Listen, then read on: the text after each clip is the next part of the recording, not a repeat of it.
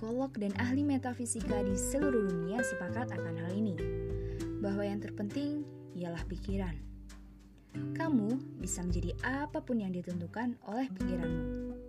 Kamu tidak perlu sakit, kamu tidak perlu tidak bahagia, kamu tidak perlu miskin, kamu tidak perlu gagal. Kamu bukan sekadar seonggok daging. Kamu bukan keledai pembawa beban yang harus menghabiskan hari-harimu dengan bekerja keras demi mendapatkan makan dan tempat tinggal.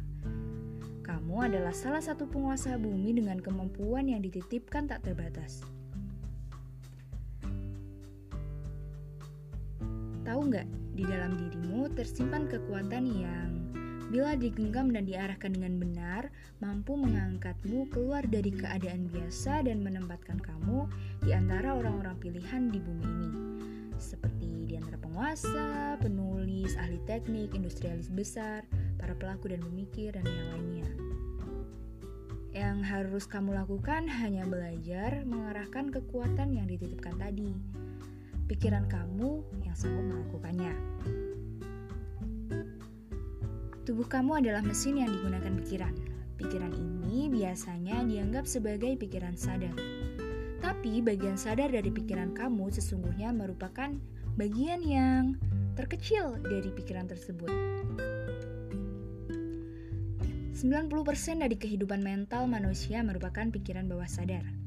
Maka, apabila kamu hanya menggunakan bagian sadar dari pikiranmu, itu artinya kamu hanya memanfaatkan sebagian kecil dari kemampuan kamu yang sebenarnya. Artinya kamu bergerak dengan kecepatan rendah. Dan alasan semakin banyak orang tidak bisa mencapai keberhasilan dalam hidup adalah karena hampir semuanya sudah cukup puas bergerak dengan kecepatan rendah seumur hidup mereka. Maksudnya hanya dengan tenaga bermulaan. Nah, kalau saja mereka mau mengerahkan kekuatan pikiran bawah sadar yang luar biasa ini dalam kehidupan mereka, mereka akan terkejut menyaksikan kemampuan mereka yang tidak pernah terbayangkan untuk meraih kesuksesan.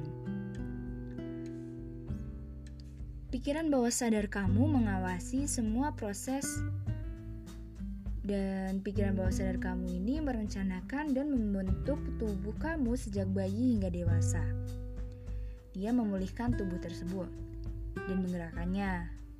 Dia juga memiliki kekuasaan yang tidak terbatas, yang tidak hanya menempatkan kamu dan menjaga kesehatanmu, tetapi juga memberikan hal-hal baik dalam hidup. Mengabaikan kekuatan ini adalah satu-satunya alasan yang mengakibatkan terjadinya kegagalan di dunia ini.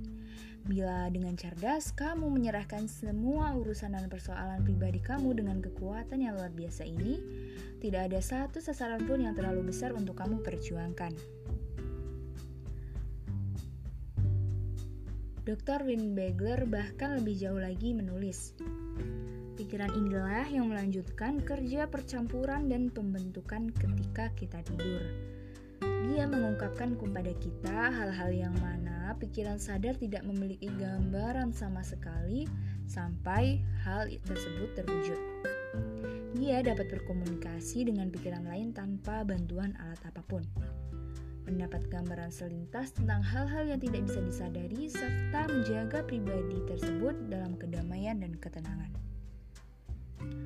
Dia mengingatkan akan bahaya yang mengintai, menyetujui atau mencela perbuatan dan perbincangan, melakukan semua yang terbaik yang ada padanya, asal pikiran-pikiran sadar tidak mencegah dan mengubah arah perwujudannya.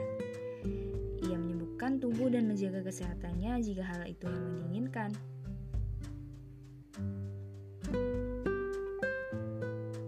Kemudian singkatnya, pikiran bawah sadar adalah kekuatan yang sangat kuat dan murah hati tapi, seperti kabel listrik yang hidup, kekuatan penghancurnya juga sama besar.